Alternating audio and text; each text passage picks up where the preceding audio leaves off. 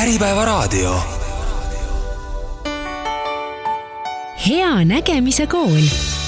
sinu silmade eest hoolitseb pereoptika. tere päevast, eetris on Hea Nägemise Kool, mina olen Tuuli Seinberg ja stuudios on, nagu ikka, pereoptika juhatuse esimees Jaan Põrk, optometrist Laura Tõõnov ning Essilori tootespetsialist Margo Tinno. Ja meie tänane teema on müoopia.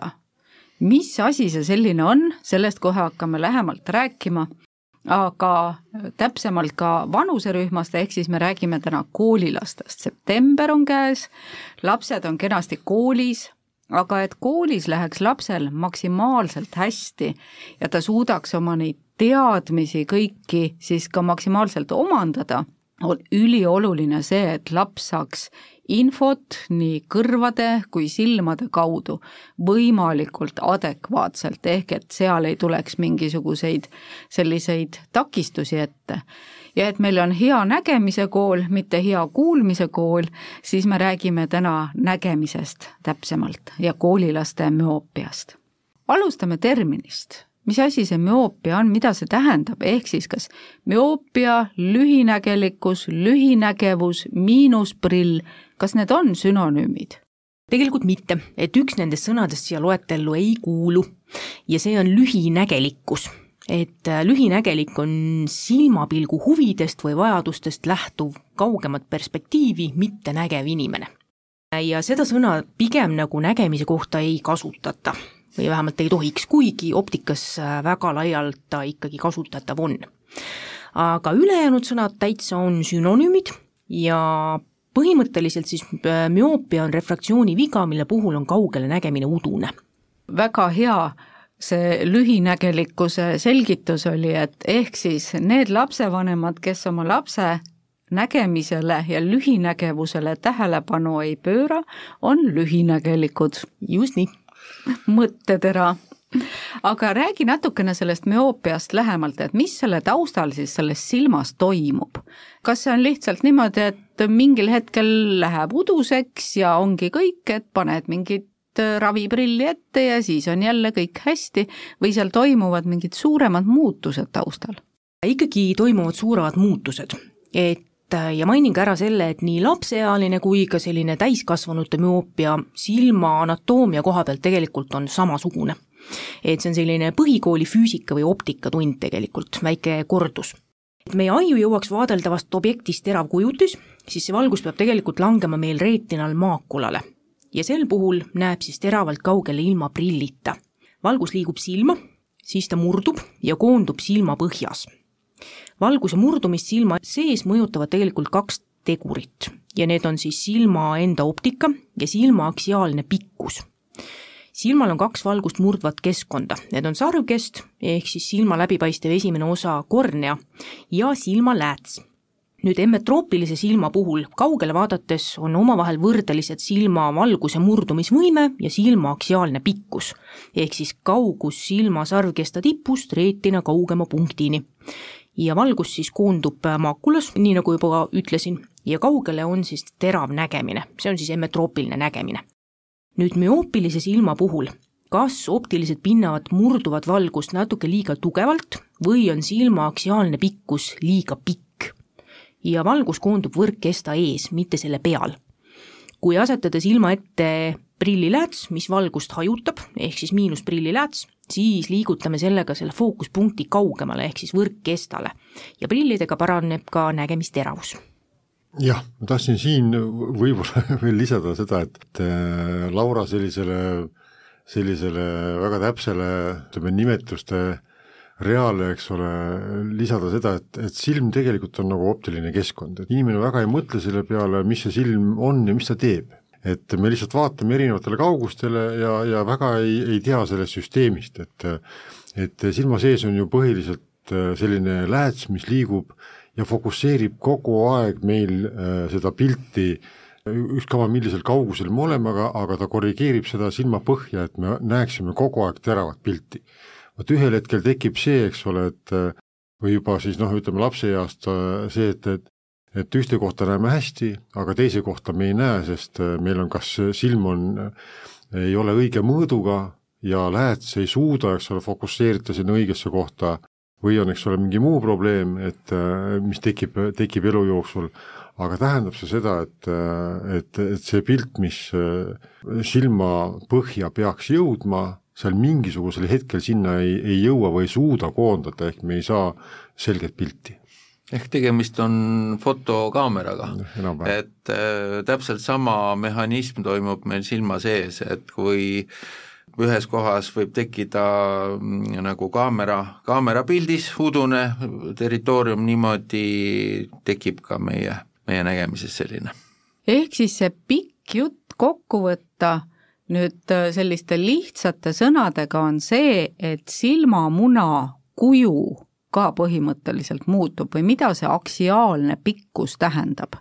see ongi siis äh, silma esiosast, sarvkesta tipust kuni võrkkesta lõpuni mm. -hmm. aga silmamuna kokkuvõttes on ikka selline ühtlaselt ilus ümmargune, mitte ei muutu kanamuna sarnaseks või ei, muutubki natukene? silindri puhul on ta ka kanamuna sarnane. et, et siin võibki olla see, et silm võib olla oma kuju ja vormi ja, ja ütleme, kogu selles optiliste võimekuse, võimekuste poolest väga erinev ja see tähendabki seda, et et meil on vaja noh, mingit abi selleks, et seda optikat või seda, seda pilti silma põhja viia, ehk siis kas prillid või kontaktlääsed või no mingid muud laserprotseduurid, et, et äh, silmanägemist aidata.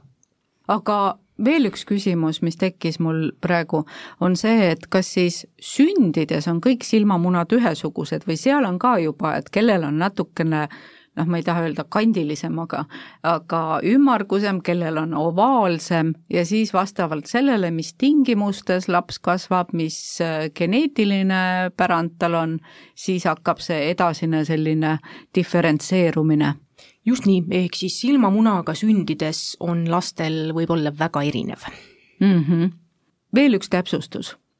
silmamunast rääkides, see ei ole sama, mis silmakuju ehk siis need silmad võivad olla erineva lõikega ikkagi, kellel on suuremad, ümaramad, kellel on ovaalsemad, et siin ei tasu segi ajada, et vaatad lapsele silma, et tal on sellised pikergusemad nii-öelda silmad, et nüüd ongi siis see müoopia. just nimelt, et enamus silmamunast on ikkagi meil seal silmalaugude taga naha sees ehk siis visuaalselt seda hinnata ei saa silma vaadates, et kas on müoopia või ei ole. no välja arvatud siis võib-olla, et kui sa seisad teatud kaugusel ja teine sind vaadates üritab kissitada või tuleb lähemale nina alla, et sind ära tunda. paraku selle tulek ei hüüa tulles ehk siis aru saada täpselt sellest hetkest nüüd lapsevanemale, et vot nüüd vist hakkab lapsel müoopia tulema, mis ma nüüd ette saan võtta, võtta, et seda ennetada, et nagu tihtipeale selliste külmetushaiguste puhul on ju, et ma tunnen ennast natukene kehvasti, teen ingveri teed, poen teki alla, magan ennast välja ja pääsen sellest äh, haigusest, et kas müoopia puhul võiks olla mingid sellised eelsümptomid, et kui siis õigel ajal reageerida, siis see silmamuna ei muuda oma kuju äh,? Niimoodi lapsele peale vaadates tegelikult mitte et äh, sündides lapse silmamuna on pisike, nii nagu me natuke siin äh, rääkisime ka, ja silmad sündides on tegelikult äh, väikeses plussis, kusagil selline pluss kaks, võib ka olla kuni pluss neli. ja peale sündi tegelikult hakkab siis toimuma selline asi nagu silmade emmetropiseerumine. see siis tehniliselt tähendab seda, et see silm hakkab pikemaks kasvama ja pluss hakkab vähenema nüüd koolieelikul, umbes kuueaastasel lapsel peaksid äh, esinema nii-öelda siis väikesed plusstugevused ikka veel, kusagil pluss null koma viis, null seitsekümmend viis. ja siis me võime eeldada seda, et see müoopia tekkimise võimalus on väga väike. kui aga seal eelkooliealisel lapsel juba need silmad on näiteks nullis või on seal juba väike miinus tekkinud, siis me võime ka eeldada seda, et sealt suurem miinus välja kasvab hästi oluline on see koolieelne silmakontroll, kus tegelikult saab selle nii-öelda kooli stardipositsiooni nägemise kontekstis äh, ära fikseerida, et vot praegu on seis selline ja mis ma siis teha saan, et, et see seis püsiks hea või ei läheks halvemaks. aga mida siis saab teha, kui on seal kuueaastasel kontrollis on kõik hästi ja nüüd järgmisse kontrolli minnes või et kooliaasta jooksul ei tahaks seda uudist, et on müoopia tekkinud, mida teie soovitate lapsevanematele? no ütleme, et see kontroll muuta ikkagi pidevaks ja, ja ütleme see, et, et ega siis silmaprobleem ju tuleb vaikselt ja hiilivalt, et kui ta kui ta tuleb kiiresti, siis peab kuidagi teistmoodi reageerima ja kiiremini, eks ole, aga noh, tavaliselt tuleb niimoodi, et ühel hetkel ikkagi tekib nägemisprobleem ja vaegus. et siis tuleb kindlasti pöörduda kuhugile ja, ja seda abi saada ja kui on müoopia tekkinud, siis tuleb hakata sellega tegelema. et tänapäevased sellised juba vahendid selleks, et selle müoopiaga tõsisemalt ütleme, seda, seda müoopia kasvu nagu pidurdama hakata, on, on tegelikult olemas ja, ja maailm liigub selles suunas, et seda üha rohkem hakata rakendama, et, et on igasuguseid vahendeid, millega seda, seda pidurdada. aga elustiili vahendid, mis te siin soovitaksite, et kui on selline vanem, kes tahab ise ära teha võimalikult palju, et abivahendid ka vajadusel muidugi, aga mida elustiiliga teha? Hästi suur mõju on päikesevalgusel, ehk siis laps tegelikult peaks veetma vähemalt kaks tundi äh, päikesevalguse käes. suur tähtsus on ka spordi tegemisel, tervislikul äh, toitumisel. aga tegelikult on see kaasaegne arvuti ja lähedalt töötamise, lähedalt vaatamise elustiil on tegelikult seda müoopiat vägagi soodustav. nii et, et kõiki asju peab olema nii-öelda ka lapse elus äh, parajalt, aga kui me muudame seda, neid juba neid äh, füsioloogilisi toiminguid nii kardinaalselt, nagu see tänapäeva elu on nõudnud, äh, siis peab noh, midagi nagu vastu andma, et, et pääseda sellistest noh, nagu kõrvalekalletest et üks asi, kui ekraanidest rääkida, on see, et paljud sellised äh, mitte lühinägelikud vanemad siis, hoolivad vanemad panevad lastele ekraani ajapiirangud. et kas see on üks tund või kaks tundi, aga see tihtipeale tähendab seda, et laps kasutab oma selle ekraani aja kohe järjest ära siiski. et ongi näiteks tal lubatud kaks tundi, et siis ta on kaks tundi seal oma kas tahvlis või mobiiltelefonis või, või arvutis, mis iganes seade tal on. et kas siis oleks mõistlikum tegelikult teha ka mingeid pause ja kuidagi hakkida seda aega kas või?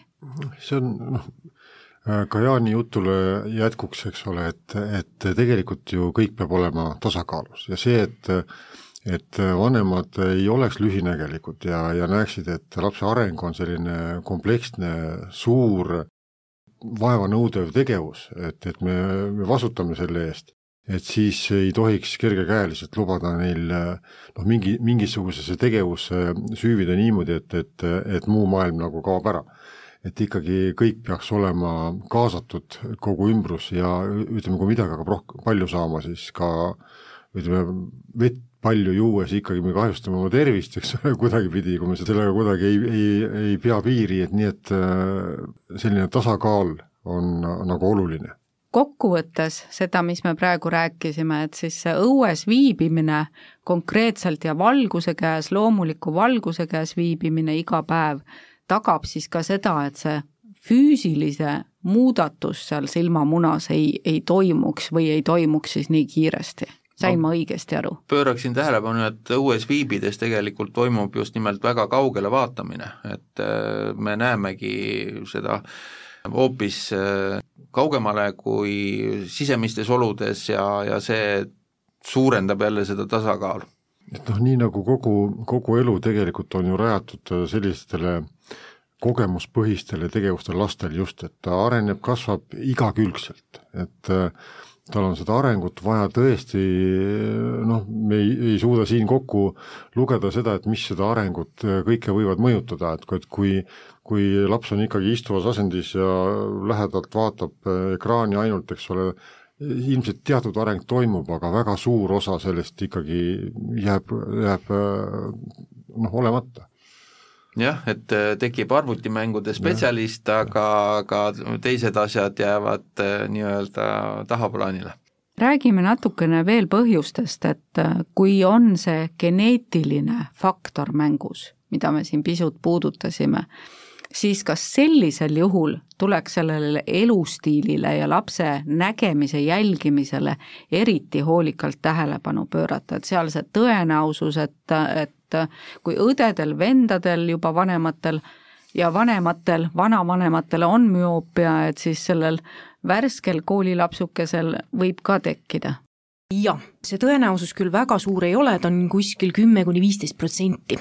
küll aga müoopia tekkimist ja suurenemist tegelikult peetakse selliseks äh, multifaktoriaalseks probleemiks, nagu siin juba välja tuli. et see siis tähendabki seda, et on mitmeid põhjuseid, kas siis geneetilised või siis need keskkonna, keskkonnast tingitud, millest me juba rääkisime. nüüd need geenid, mis müoopiat tekitavad, tegelikult nad on DNA-st leitud aga neid pigem peetakse sellisteks äh, vähetähtsateks äh, võrreldes keskkonnamõjudega. et geenid pigem määravad, kui tundlikud on silmad keskkonnamõjudele, mis siis seda miinust põhjustavad või suurendavad ehk siis igal juhul tuleks ikkagi seda elustiili reguleerida ja, ja siis kõik endast olenev teha, et seda ei tekiks. aga no mis sellest siis on, kui see tekib? prill ette, mis siis ikka, kas müoopia võib hilisemas elus tuua mingisuguseid suuremaid riske. et kui nüüd lapsel see on ja eriti, kui ta jääb ka õigeaegselt korrigeerimata, avastamata. jah, et see väike miinusprilli tugevus meie tervist äh, otseselt ei ohuta, et abiks on prillid, kontaktläätsed.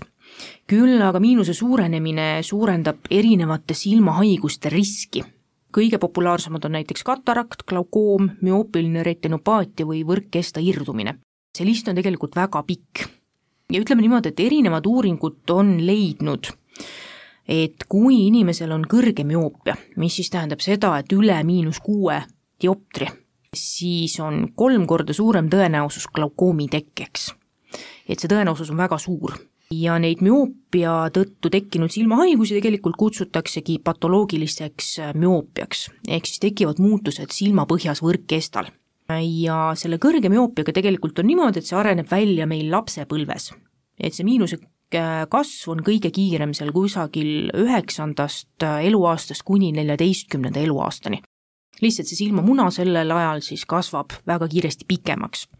ja väikelaste seas tegelikult see kõrge müoopia esinemine on suhteliselt harv, selline kusagil üks protsent kui kiire see progresseerumine võib olla, kas see võib olla ka niimoodi, et näiteks mul on lapsega käidud aasta tagasi optometristi juures kontrollis ja aasta jooksul toimub mingisugune kohutav allakäik seal silmas? absoluutselt, et äh, normaalseks peetakse sellist äh, kusagil null koma viie dioptri äh, kasvu aastas, üle selle on juba selline pigem probleemsem.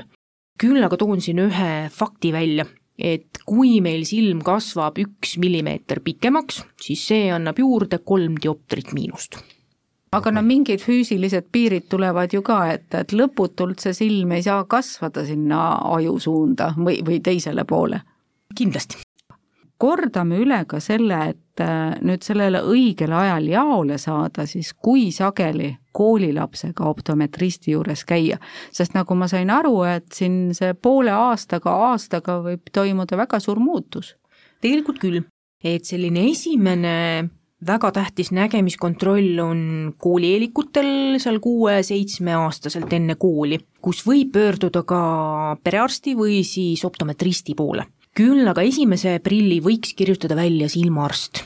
sellel põhjusel, et äh, lastel on väga tugev akomodeerimisvõime, mida siis tavalise nägemiskontrolli ajal me ei suuda seda nii-öelda siis seda silmalihast lõdvestada. silmaarst paneb silma silmalihaseid lõdvestavaid tilku ja saab siis sellise väga täpse korrektsiooni. ja kui juba lapsel prillid on olemas, siis võiks käia ikkagi kord aastas nägemiskontrollis aga isegi kui prille ei ole veel, lapsel on olnud eelmises kontrollis nägemine korras, siis sellisel juhul see õigeaegne märkamine sõltub ikkagi väga palju lapsevanema teadlikkusest. sest tihtipeale lapsed ei tule rääkima, et emme, et mul vist on müoopia, et lähme nüüd pereoptikasse, teeme mulle prillid, ma ei näe tahvlile ja mu õpitulemused on sellepärast halvad. et see oleks nagu liig loota ja tihtipeale on sellised väga veidrad märgid, et äh, hakatakse nagu midagi kaebama või tuju on paha või mul on enda kogemus sellega, et olles hea nägemise kooli saadet teinud mitu aastat, ma ikka ei tabanud seda õiget hetke ära, enne kui ma selle jutu, mis niimoodi tilkus vaikselt, enda jaoks konteksti suutsin panna. ehk siis, mis on need märksõnad, mida lapse jutust, õpetaja tagasisidest, sõprade tagasisidest kinni püüda? sellised silmaväsimised, peavalud, ähm, kissitamine, siis ähm, pea kallutamine ühele poole või näiteks ühe silma kinnipanemine kaugele vaadates. ka see, kui laps tahab äh, väga lähedal istuda, kas siis klassis või ka telerit vaadates.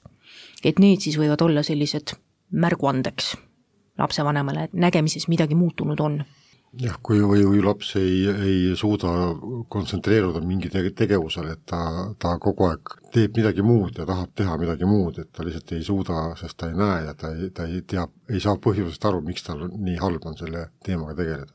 Ja siis võivad tullagi nagu sellised ootamatud õpiraskused, et laps, kellel on muidu väga hästi läinud, järsku ei tea mingeid asju, mis tunnis on tehtud, ei ole tunnitöö õigesti või või piisavalt, piisavas mahus kaasa tehtud ja nii edasi, et sellised väga veidrad üksikud sümptomid võivad tulla. kas lapsevanem nende korral võiks kodus kuidagi ka kontrollida seda lapse nägemist, umbes nii nagu optiku juures, et üks silm kinni ja vaata, et kas sa näed seda kuuske seal või ei näe?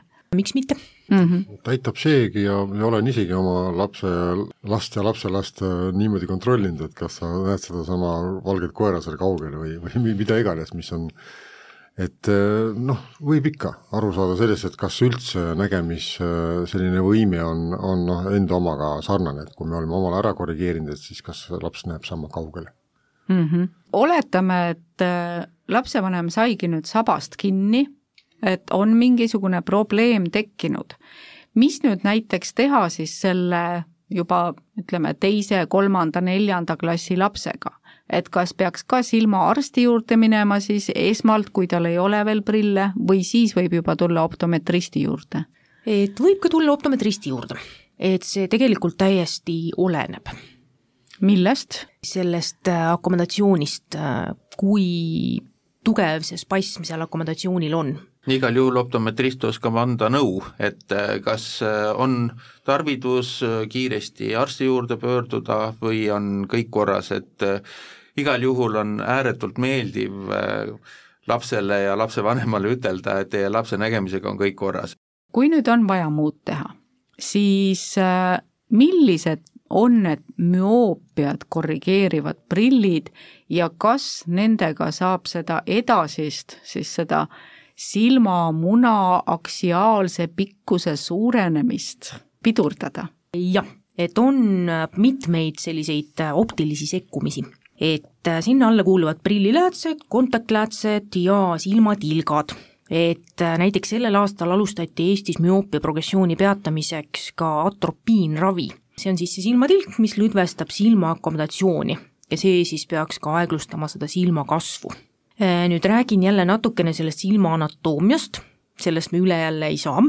spekuleeritakse, et üheks äh, põhiliseks põhjuseks, miks äh, müoopia meil lapse eas ka kiiresti progresseerub, on siis silmas selline asi nagu hüperoopiline nihe.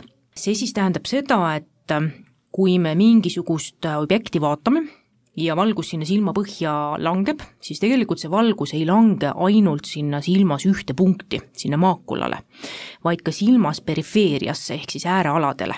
ja kuna silmapõhi on selline sfääriline või sfäär nagu nõgus, siis äh, ka prille kandes äh, see valgus murdub natuke teistmoodi ehk siis perifeerias samuti on see miinus siis nii-öelda natukene väiksem ja see hüperoopiline nihe, siis selle tõttu tegelikult äh, siis see silm ja silma aksiaalne pikkus ka pikemaks kasvab, isegi siis, kui me prille kanname. ja et seda hüperoopilist nihet vähendada, siis ongi tegelikult äh, töötatud välja sellised spetsiaalsed kontaktläätsed ja prilliläätsed. prillilääts töötab niimoodi, et prilliläätse keskosas kus siis äh, laps otse vaadates läbi vaatab, siis seal on tema täiskorrektsioon ja läätse äärealades on plusstugevus kuni pluss kaks koma viis dioptrit, mis siis vähendabki seda hüperoopilist nihet. ja need spetsiaalsed prilliläätsed peaksid müoopiat pidurdama kusagil nelikümmend protsenti ja kindlasti, mida ma tahan toonitada, on see, et need prilliläätsed ei suuda võtta kellelgi ära seda miinust, mis juba seal olemas on. mida nad saavad teha, siis nad potentsiaalselt saavad siis peatada selle miinuse kasvu, et ta enam suuremaks ei läheks ja lisaks sellele kasutatakse ka tegelikult klassikalisi progressiiruvaid või bifokaalseid prilliläätse, aga nende efektiivsus ei ole nii hea kui nende perifeersete defookusega läätsede äh, efektiivsus küll aga mis on ka hästi tähtis, on see, et see nägemine ei ole ainult see nii-öelda prilliläät seal silma ees või see nägemisteravus, vaid sinna ka näiteks kuuluvad meil kontrastitaju, sügavustaju, silmade koostöövõime ja nii edasi. Et äh, sellepärast ongi neid äh, müoopia progressiooni peatamiseks väga erinevaid nii-öelda siis prilliläätsi, sest mõnele lapsele sobib mõni variant ja teisele lapsele sobib mingisugune teine variant, olenevalt siis näiteks kas või silmade koostööst. Ja tegelikult äh, kõige efektiivsemaks raviks on kõvad ehk siis ortokeratoläätsed, mis siis asetakse silma magamise ajaks lapsele ja päeval tegelikult laps ei pea prille kandma, sest see kõva lääts surub seda silmasarvkesta kokkupoole, ehk siis tehniliselt vähendab seda silma aksiaalset pikkust ja ta vähendab ka siis seda hüperoopilist äh, nihet. aga kahjuks Eestis neid ortokeratoläätse ei toodeta et meil on praegu siis äh, kõige parem variant ikkagi need spetsiaalsed müoopiat takistavad läätsed. Ma lisaks Laura jutule veel juurde või natuke teeks seda selgemaks, et mida, mida see, mida see tähendab, eks ole, et see on umbes seesama, et kui kasvav laps, noh, ta kasvab äh, kogu, kogu keha ju kasvab, eks ole, kõik meeled kasvavad, kõik organid kasvavad, et kui silma sees äh, on kogu aeg impulss selline, eks ole, et et me peame vaatama lähedale, me peame vaatama lähedale, eks ole, ja et, et see impulss kogu silmapõhjas, ehk see surve silmapõhjale ja on, on ühesugune, et me peame vaatama lähedale, et siis äh, organism saab sellest aru, et meil on vaja siin nagu muuta midagi, eks ole, et nüüd on vaja tegelikult teha seda läätse selliselt, et seda impulss oleks äh, selline, mis annab organismile teistsuguse info, et ei ole vaja, eks ole, kogu aeg seda silma pikemaks äh, venitada seda, sest äh, et, et läätsed, eks ole, mis on nagu mõeldud selleks, et et organism äh, oma selle impulsi poolest toimiks teisipidi, et ta ei pikendaks seda silma, tähendab, vaid, vaid hoiaks teda kuskil balansis ja tasakaalus ja et see kasv lihtsalt ei oleks nii kiire. et nad on selles mõttes kavalad läätsed, kavalad sellised võimalused noh, sellist kasvuperioodil seda müoopia või seda lühinägelikkust enne, ennetada või pidurdada et oleks täielik selgus majas, ma küsin üle veel selle, et kas neid kavalaid prilliläätsi võib kanda siis kogu aeg, et ei ole niimoodi, et laps paneb ette, vaatab tahvlile, vaatab raamatusse, võtab ära eest? vähemalt äh, jah, need, mis on need äh, prilliläätsedega tegu, siis, äh, siis Essilori poolsed läätsed on tulemas, nad ei ole veel Eesti turul, aga me loodame siin lähiajal nad välja saada. Et siis need peaksid töötama küll niimoodi, et laps peaks kandma need kuskil kaksteist tundi päevas ja vähemalt kahe aasta jooksul ikkagi intensiivselt, et, et kogu see protsess oleks äh, nagu salvestatud või lukustatud. et ei toimuks seda aksiaalset silma pikenemist või kasvu aga need, mis praegu enamik siis müoopiaga koolilapsi kannab, et neid siis peaks lähitööd tehes ära võtma eest või? tegelikult mitte, et kui refraktsiooniviga juba olemas on, äh, eriti siis müoopia puhul, siis tegelikult võiks seda prilli kogu aeg kanda.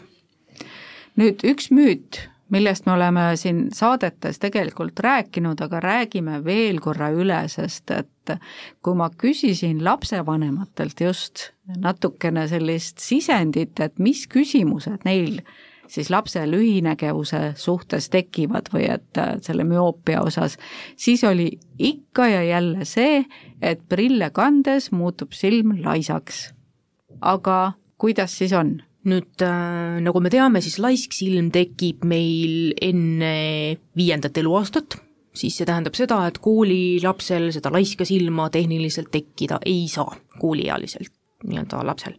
Pigem nagu see, et kui laps seda prilli ei kanna, siis, äh, siis kipub see müoopia ehk siis miinusprilli vajadus ka suurenema.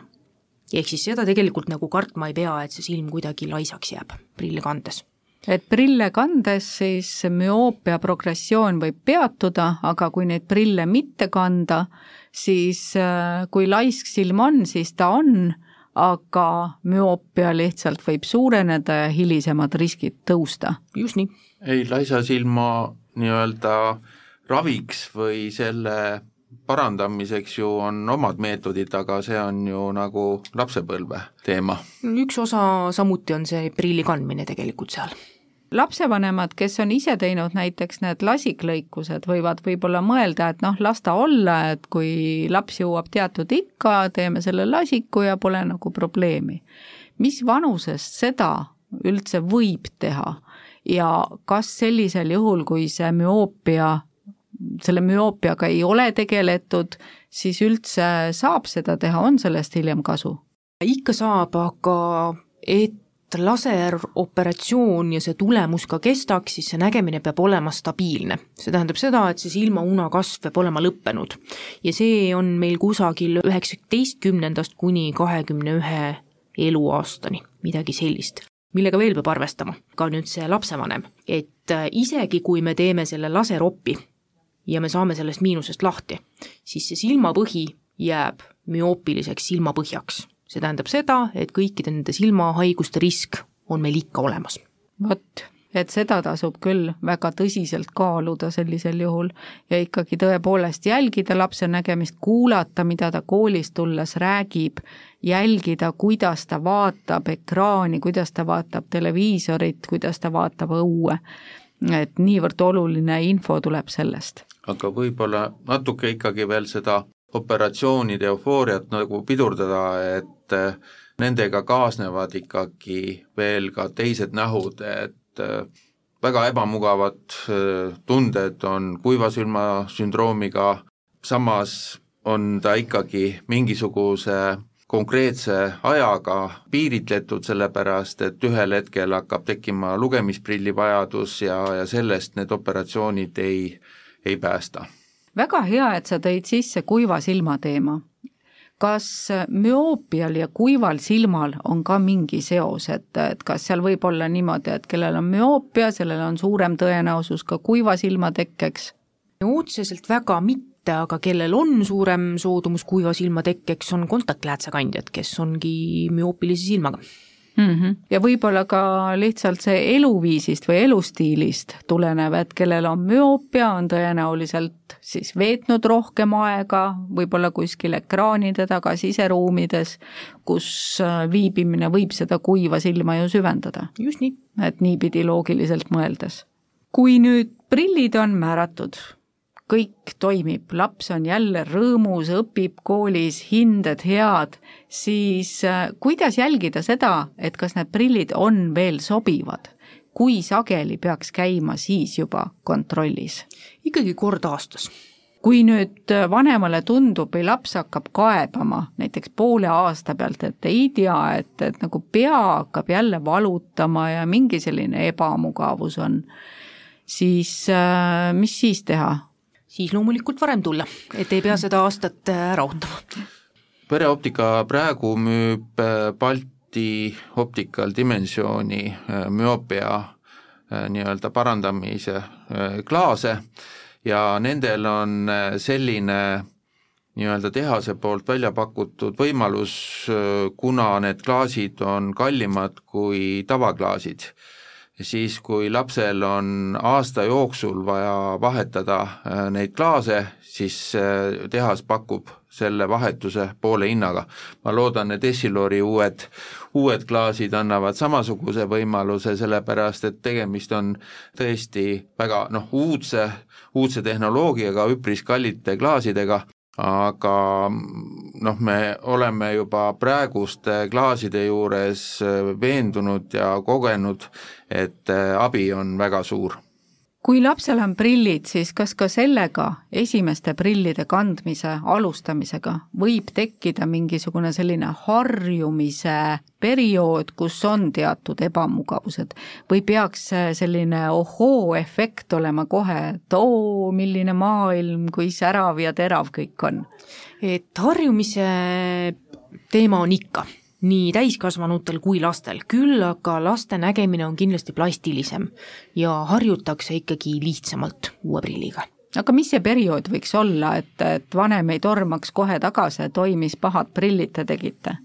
no selline kuni kaks nädalat võib isegi olla selline tavaline prill, uue prilliga harjumine mm. -hmm.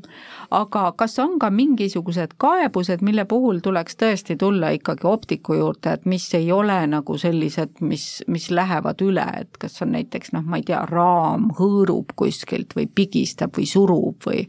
absoluutselt ja ka tõesti, kui on udune nägemine, siis loomulikult võib ka tulla varem noh, siin peab jälgima seda, et kui laps saab endale uued raamid, ja, ja see, et kuidas need raamid tal peas istuvad, et ei tekiks seda olukorda, et äh, laps kannab oma naha katki näiteks, sellepärast et raam on mingil põhjusel tal ebamugav. et äh, seda kindlasti vanematele toonitada, et nad jälgiksid ja, ja, ja ütleme, laps, eks ole, ütleb vanematele ka, et kui tal on kuskilt ikka ebamugav ja nahk punetab, et siis äh, mitte lasta sel nahal katki minna, vaid tulla optikakauplusesse ja natuke võiks usaldada siis äh, neid klienditeenindajaid, sellepärast et meil on kogemus ja me võime olla kindlad, et kui me surume lapsele sellise raami ette, mida, mis temale ei meeldi, siis tegelikult ta, äh, ta leiab väga palju põhjuseid selleks, et temast loobuda.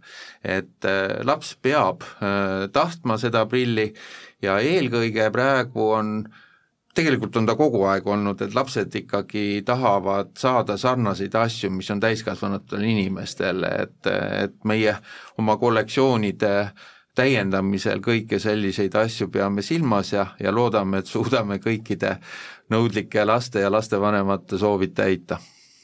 veel üks oluline nüanss prilli kandmisel, trennid kas seal peaks ka see müoopiaga laps siis prille kandma, võtame mingi, ärme võta mingit väga keerulist, äh, ma ei tea, poksitrenni või midagi sellist, kontaktsporti, aga tantsutrenn, mingid sellised, kus sa ikkagi pead nägema juhendajat ju. ikkagi see prill võiks olla lapsel kogu aeg ees, et ähm, võib ka olla näiteks nii, et lapsel on igapäevaseks kasutuseks üks paar prille ja teine on näiteks sportimiseks. jah, on nende kummidega kukla taha kinnitatavad, siis on sangade küljes sellised pidurid, mis pannakse, et oleks äh, hästi ees, nii et, et on võimalusi ja, ja küll me need leiame, kui, kui meie, meie käest tullakse küsima kindlasti tasub neid võimalusi kasutada, sest just treeninguga võib olla ka see, et kui see nägu muutub higiseks, siis prillid vajuvad alla, laps peab hakkama mingit lisaliigutust tegema seal ja näiteks noh, mingi tantsu või sellise täpsusspordi puhul sa ei saa oma prille kogu aeg sinna nina peale tagasi toksata, nii et nii et tasub küsida kõiki asju ja kõik see võtab natukene aega, et äh, meie juures ei ole selliseid hetkelisi lahendusi, et äh, on natuke arutamist, on natuke mõtlemist ja pakkumist, siis saab õige asja. ja veel lõpetuseks, täiskasvanute prilliläätsedele on igasuguseid erinevaid katteid, mis on mõeldud just siis arvutiga töötamiseks, kontoritööks, on väga suurepäraseid võimalusi, tulesid ja vilesid kas äh, siis lühinägevusega lapsele prillide jaoks peaks ka valima mingisugused lisad veel või on need juba vaikimisi nendes laste prilliläätsedes sees? noh, üldiselt on äh, kõik äh, tootjad varustavad oma läätsed ikkagi parimate katetega, mis neil võtta on. ja ütleme, lihtsamate tegevuste jaoks on ka lihtsamaid katteid, et kui klaas ikkagi teatud tegevuste juures saab kannatada, siis ei ole sinna mõtet võib-olla väga seda premium-toodet panna, eks ole, kuna ta rikneb nagunii, et ta on kallis ja niimoodi. aga üldiselt kõik need katted ja, ja kaitsed, mis äh, läätsedele tulevad, on mõeldud selleks, et äh, silmatervis äh, peaks kauem vastu võimalikult pikaajaliselt, võimalikult kõrges vanuses oleks meil nägemine, pluss see, et me näeks kogu aeg väga selgelt, et selleks on need erinevad peegeldamisvastased katted ja, ja ka arvutiekraanide eest, eks ole, ja et need võimalused kõik on olemas. ja mina oskaksin öelda kõikide uuringute tulemusena on selgunud, et Essilori katted ja Essilori prilliklaasid on maailma ühe, ühed parimad, et selle, meil on väga hea meel töötada koos Essiloriga, et see annab selle äh, klaasi kvaliteedile garantii. nii et kindlasti ei tasuks neid mingisuguseid valmis prille kusagilt ei tea kust tellida, ma ei tea isegi, kas miinusvalmis prille müüakse, ma tean, ma olen turul näinud neid plusslugemisprille, aga lapsega kindlasti käia siis seal silmaarsti juures, optometristi juures ja proovida need maksimaalselt head prilliläätsed ja maksimaalselt sobivad prilliraamid hankida ja mis jäi veel kõlama siit, oli see, et ikkagi see klassika, päike, tuul ja merevesi, need me sõbrad kolmekesi. mina tahaksin äh, tuua veel ühe uudise, mis on äh, meie Tartu maantee kaheksateist Stockmanni vastas äh, poes olemas, et meil on esimestena Eestis värvipimedate sellised abistavad näidised, et on võimalik tulla vaadata, kas nende klaasidega on võimalik oma värvipimedust äh, parandada ja kui kui on, siis on võimalik teha nende sellistesse klaasidesse siis juba ka optilised prillid, nii et, et äh, see on nüüd väga-väga värske uudis selle hea uudisega lõpetame, aitäh kuulamast, see oli Hea Nägemise Kool ja head nägemist kõikidele koolilastele sõna otseses mõttes ja, ja head saate kuulamist ja oma laste nägemise nägemist kõikidele kuulajatele